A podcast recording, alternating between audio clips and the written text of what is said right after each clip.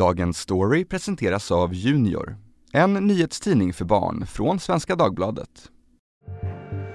God morgon! Det börjar bli dags att öppna upp Sverige igen. Nu upphör coronarestriktionerna och efter år av social distansering är det dags att ge sig ut i samhället igen. I have nothing to say to anybody. I'm so uninteresting. Händer det något kul i helgen då? Ja, eh, ja, jag ska jobba lite. Att småprata med främlingar kan kännas läskigt, men forskning visar att oväntade möten är viktigare för vårt välbefinnande än vad man kanske kan tro. You need small talk. What topics can you use for small talk? Golf, stock market, Dave Matthews. Yes. På en kvart får du veta varför något så enkelt som ett samtal på bussen kan göra dig lyckligare. Det är tisdagen den 8 februari. Jag heter Erika Hallhagen. Det här är dagens story från Svenska Dagbladet. Well, thanks very much for the chat. Time for me to go.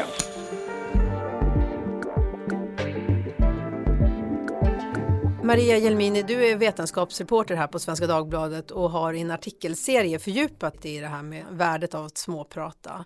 Eh, när pratade du själv sist med en främling? Men den senaste gången var faktiskt precis innan jag kom in hit, när jag gjorde den eh, sedvanliga covid-testningen här för att komma in i SvD-huset. Så då småpratade jag lite med eh, testpersonen. Om vad då? Ja, vi pratade om att jag var väldigt andfådd när jag kom in för att jag hade gått upp för trapporna 13 våningar. Och då pratade hon lite om att hon bröt foten för några år sedan och det var bra att gå i trappor och ja, jag berättade lite om vad forskningen säger om trappträning. Så blev det ett litet samtal. Men, men du har inte alltid haft så lätt att prata med okända? Nej, men inte den här typen av spontana småprat med främlingar har jag inte ägnat mig åt så mycket, utan det har egentligen varit i samband med att jag satte mig in i vad forskningen säger om det här och vad det gör med oss, att det får oss att eh, känna oss gladare och må bättre, som jag har börjat kan man säga. Jag fick lite faktiskt tvinga mig till en början och prata med folk jag mötte, men nu gör jag det flera gånger varje dag skulle jag säga. Hur har det fått dig att må då? Nej, men jag tycker att jag blir lite gladare. Först var det ju nästan att så här, oh, jag lyckades med mitt projekt. liksom. Men jag tycker verkligen att de här små mötena får mig att varje gång känna mig lite gladare. Och än så länge, nu har jag inte hållit på jättelänge, men än så länge har jag inte träffat på någon som inte också har sett glad ut, som faktiskt verkar ha gillat att småprata tillbaka. Men om jag till exempel inte kände dig så Ja. skulle jag kunna säga, gud vad snygg du är. Och då, Så det här är en vinnarreplik. skulle, ja men visst, det skulle genast bli någonting. Vad skulle du svara då? Ja, då jag Äsch, säga, ja. ja, äsch, inte ska väl jag. Maria Jelmini är inte ensam om att känna ett slags lyckorus i samband med spontana samtal med främlingar. Det visar studier av den brittiska psykologiforskaren Gillian Sandstrom. Ju fler människor vi småpratar med under dagen, desto mer tillfreds tycks vi bli. Egentligen är det logiskt. Människans förmåga att kommunicera är sammankopplad med vår evolutionära utveckling. Språket är nyckeln till barnets kognitiva utveckling och det som skiljer människan från djuren. Forskning visar att när vi har ett trevligt samtal med någon så frisätts en massa feelgood-hormoner i hjärnan som oxytocin och endorfin. Det gäller även när vi hälsar på någon och får några trevliga ord tillbaka. Hej, Johanna heter jag. Jag jobbar som komiker. Så det gör jag. Och jag eh, står nu här med dig. Så att det var det. Maria, du har pratat med Gillian Sandström om det här. Ja men precis, Eh, hon är ju en av de som har fors- forskat mest runt just eh, vad de här eh, kontakterna med främlingar betyder för oss och hur det får oss att må. Historiskt så har ju psykologer länge vetat att relationer är viktiga för oss, relationer med, med vänner och familj till exempel. De här nära relationerna som gör att vi, vi har ett sammanhang. Men nyare studier visar också att eh, just det här som man brukar kalla för weak ties eller eh, tunna band på svenska. De här mötena som är med någon man inte känner, kanske en främling på stan men också eh, någon ytlig bekant, liksom, säg någon på din universitetskurs med 200 personer eller mm, någon du ser på gymmet ibland. Även de kontakterna är viktiga för oss och får oss att må bättre. Och de här resultaten ser man egentligen oavsett eh, kön, ålder, man har tittat på lite olika nationaliteter, oavsett om man är introvert eller extrovert från början, så ser man att det verkar finnas ett samband. Och i de här studierna som eh, Gillan Sandström har gjort så har hon till exempel sett att ju fler sådana här kontakter man har per dag, desto bättre mår vi. Men, men trots att vi blir gladare av att småprata så drar vi oss för att göra det. Varför, varför är det så? Ja, men det finns egentligen en hel rad skäl till det som hon eh, också har sett i sina studier. Och det kan vara allt från att man eh, tror att man själv ska verka konstig, man tror att den andra ska vara konstig, man tror att samtalet ska bli ointressant, man vet inte hur man börjar, man vet inte hur man slutar. Så det är en, en massa sådana där saker som hon har sett eh, pågår i våra hjärnor inför samtalen som gör att vi egentligen inte vill ha dem. Och det är väldigt få som ser fram emot de här små mötena, de här samtalen. Känner du bruden eller brudgummen? Det är bruden. Bruden? Jag känner. Mm. Jag känner brudgummen. Det, det är min bror faktiskt. Jaha. Mm. Jag lärde mig också en ny term av din artikelserie, the liking gap. Vad, vad är det? Ja, det är rätt så spännande. Ehm, för om man tittar på tidigare forskning så tenderar vi människor att tro att vi är bättre än andra på väldigt många sätt. Man brukar kalla det här för optimism bias, alltså att vi, vi har en sned syn på oss själva, till exempel när det gäller här, risken att vi ska råka ut för sjukdomar eller skilja oss eller vara med i olyckor eller sådär, så tror vi att vi kommer klara oss bättre än andra. Men sen har vi just det här då som heter the liking gap eh, och det handlar egentligen om att vi tror inte att människor kommer tycka särskilt bra om oss. Men sen när man då mäter vad folk verkligen har tyckt om den samtalsparten så gillar man den nästan alltid mer. Så det här har Gillian sett i flera av sina studier just att eh, det stämmer inte riktigt överens vår bild av hur vi uppfattas och hur vi faktiskt uppfattas av folk. Och det är lite anledningen till att vi kanske drar oss för att prata. Ja men det är ju säkert en bidragande orsak att vi tror inte att andra ska tycka att vi är särskilt intressanta. Man har till och med sett det här i studier med femåringar vilket är lite skrämmande att man är, man är väldigt mån om hur man uppfattas. Du har också pratat med den amerikanska journalisten Joe Keohane, författare till The Power of Strangers. Vad har han för huvudtes i sin bok? Ja, men han lyfter just det här med eh, ensamheten i samhället, hur, hur många vi faktiskt är som känner oss ensamma. Men han reflekterade också över sitt eget liv där han då är uppvuxen i en familj där hans föräldrar ständigt pratade med folk, både i jobbet men också när de var på restaurang eller resor och vilket i sin tur ledde till att de hade väldigt många vänner, fick ett stort nätverk och kände folk överallt för att de började prata med människor hela tiden.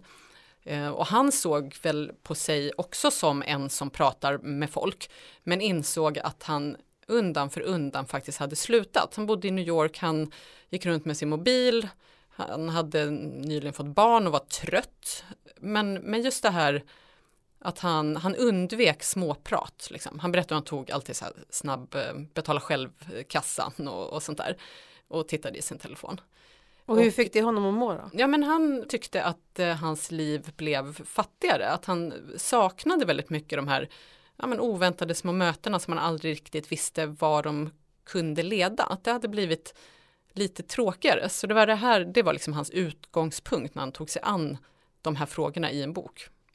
Jag tycker själv att man under pandemin har tänkt på det där att när man har varit ute på en promenad och, och bara liksom hejat på någon som har mött, eh, känt en sån energi. Ja men det är, ju, det är ju fascinerande att även bara den typen av väldigt snabba kontakt faktiskt kan ge någonting. Och det tog Gillian Sandström upp också, hon har inte specifikt tittat på det men, men som en reflektion att just den ensamhet som många kände under pandemin och även hon själv, att när man var ute i parken, man gick en promenad, så kunde man faktiskt stanna upp och småprata lite med någon och att människor tenderade att vara lite mer öppna för det än vad man annars kanske var. Det är lätt att förstå att eh, vi mår psykiskt dåligt eh, av ensamhet, men påverkas vi också fysiskt? Det finns eh, väldigt många studier som är gjorda på just eh, vad som händer när vi känner ensamhet. Och man kan väl kort så kan man säga att eh, ensamhetskänslor leder till stress. Och det här är egentligen tror man för att vi ska känna stress om vi inte hade en grupp att tillhöra då när vi levde som samlare och jagare och sådär. Att det är farligt för oss att vara själva. Och sen vet man då att stress i sin tur kan leda till en himla massa saker som sämre immunförsvar, högre blodtryck, sömnproblem. Eh, man har också sett att eh, kronisk ensamhet som då leder till kronisk stress kan leda till att vi, vi försämras till och med kognitivt, alltså analysförmåga och sånt blir sämre.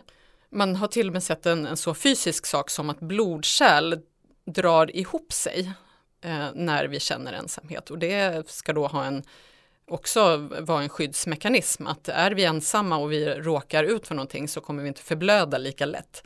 Eh, så att det, ensamhet har väldigt många fysiska effekter, varav många är farliga på lång sikt. Det här att vi är så digitala idag, eh, nästan alla har en smartphone i fickan, hur spelar det in i sammanhanget?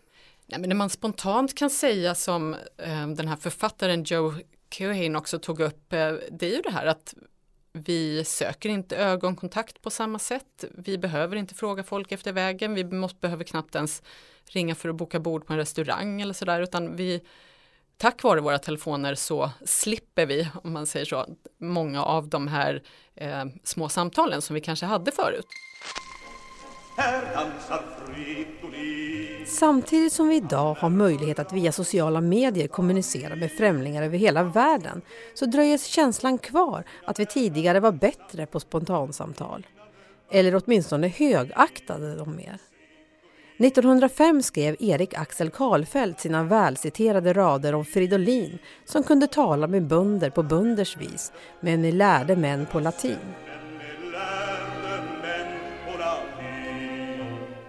Och i etikettsboken Så går det till i umgänge och sällskapsliv från 1937 ägnas ett helt kapitel åt samtalet. Tonen är uppfostrande och stor vikt läggs vid hur man talar, utan svordomar och med fördel utan dialekt. Men man hittar också tidlösa rättesnören för den som framgångsrikt vill småprata som Jämra dig inte över oförrätter, undvik tvärsäkerhet och dela lika på dialogen. Men Maria, hur står sig de här råden idag? Det finns ju vissa saker som är, är tänkvärda, som det här med dela lika på dialogen, det här att faktiskt eh, lyssna också. Jag pratade med en eh, kvinna som var kommunikationsexpert och också hade kurser i hur man blir bättre på att samtala. Just det här med att lyssna hänger ju väldigt mycket ihop med att sen också kunna prata med folk på ett eh, bra sätt så att det blir ett fint samtal och det handlar ju väldigt mycket om alltså, höra vad du verkligen säger och ha en genuin nyfikenhet tryckte hon på. So how's your marriage? What the hell? Why would you ask me that? I'm trying to elevate small talk to medium talk. Okay, fine. Um, it's fine. It's okay. How often you have sex? Vad har du för konkreta tips om man inte är en small talker och behöver lite hjälp på traven? Jag tror dels att man ska tänka på the liking gap och just det här att många tycker att det är svårt att börja småprata. Det är ingenting som är konstigt att tycka utan det är det vanligaste.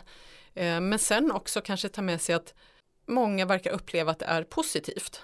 Sen får man förstås känna av situationen. Man får ju närma sig människor på ett eh, sätt som, som funkar, till exempel på tunnelbanan. Då kanske man behöver så här, förlåt mig, men jag måste bara fråga. Går man ut med hunden och träffar en annan hundägare kanske det kommer naturligt på ett annat sätt. Men eh, jag tror att det är grunden, så jag tänker på att alla tycker att det är lite jobbigt, men de flesta blir väldigt glada. Och det spelar inte så stor roll vad man säger, man kan utgå lite från en gemensam upplevelse. Oj, vad mycket folk det var här, eller gud vad isigt, sa jag till en jag passerade igår på trottoaren. Fick du något svar? Ja, hon tyckte också det var jätteisigt. ja, så mådde ni bra Ja, så var vi glada. Ja. I samband med din artikelserie så uppmanades läsarna att tala med en främling och sen återkomma med reaktionerna. Hur har de varit?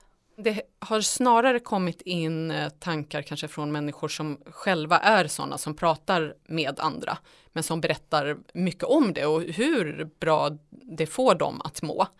Eh, en man skrev till och med att han tyckte att Socialstyrelsen borde rekommendera 68 samtal med främlingar per dag för folkhälsans skull. Eh, för att han kände att han eh, var så mycket gladare och mådde så mycket bättre av att prata med folk. Det kanske är något som ska komma nu när coronarestriktionerna ja, släpper. Inte, sett till vad forskning säger så är det kanske inte en så tokig idé egentligen. Tack Maria Jelmini för att du kom hit till Dagens Story. Tack själv. Junior är Sveriges enda nyhetstidning för barn. Vi skriver riktiga nyheter om Sverige och världen på ett sätt så att barnen förstår. Varför vi gör det? Vi vet att det är viktigt att läsa och att hänga med och förstå sin samtid. Och det går bra att du som betalare smygläser den förstås. Du som lyssnar på Dagens Story kan ge bort en prenumeration på sju nummer till ett nyfiket barn för endast 99 kronor. Det är 64% rabatt mot ordinarie lösnummerpris. Du tecknar den på svdjunior.se podd. Vi som gjort programmet idag är producent Kajsa Linderoth, redaktör Adam Svanell och jag heter Erika Hallhagen. Vill du kontakta oss så mejla till dagensstory.svd.se. Dagens klipp var hämtade från Seinfeld, Boy Machine, The Office, Curb Your Enthusiasm, TV4, SVT och låtarna Främling med Carola och Sång efter skördeanden av Sven-Bertil Taube.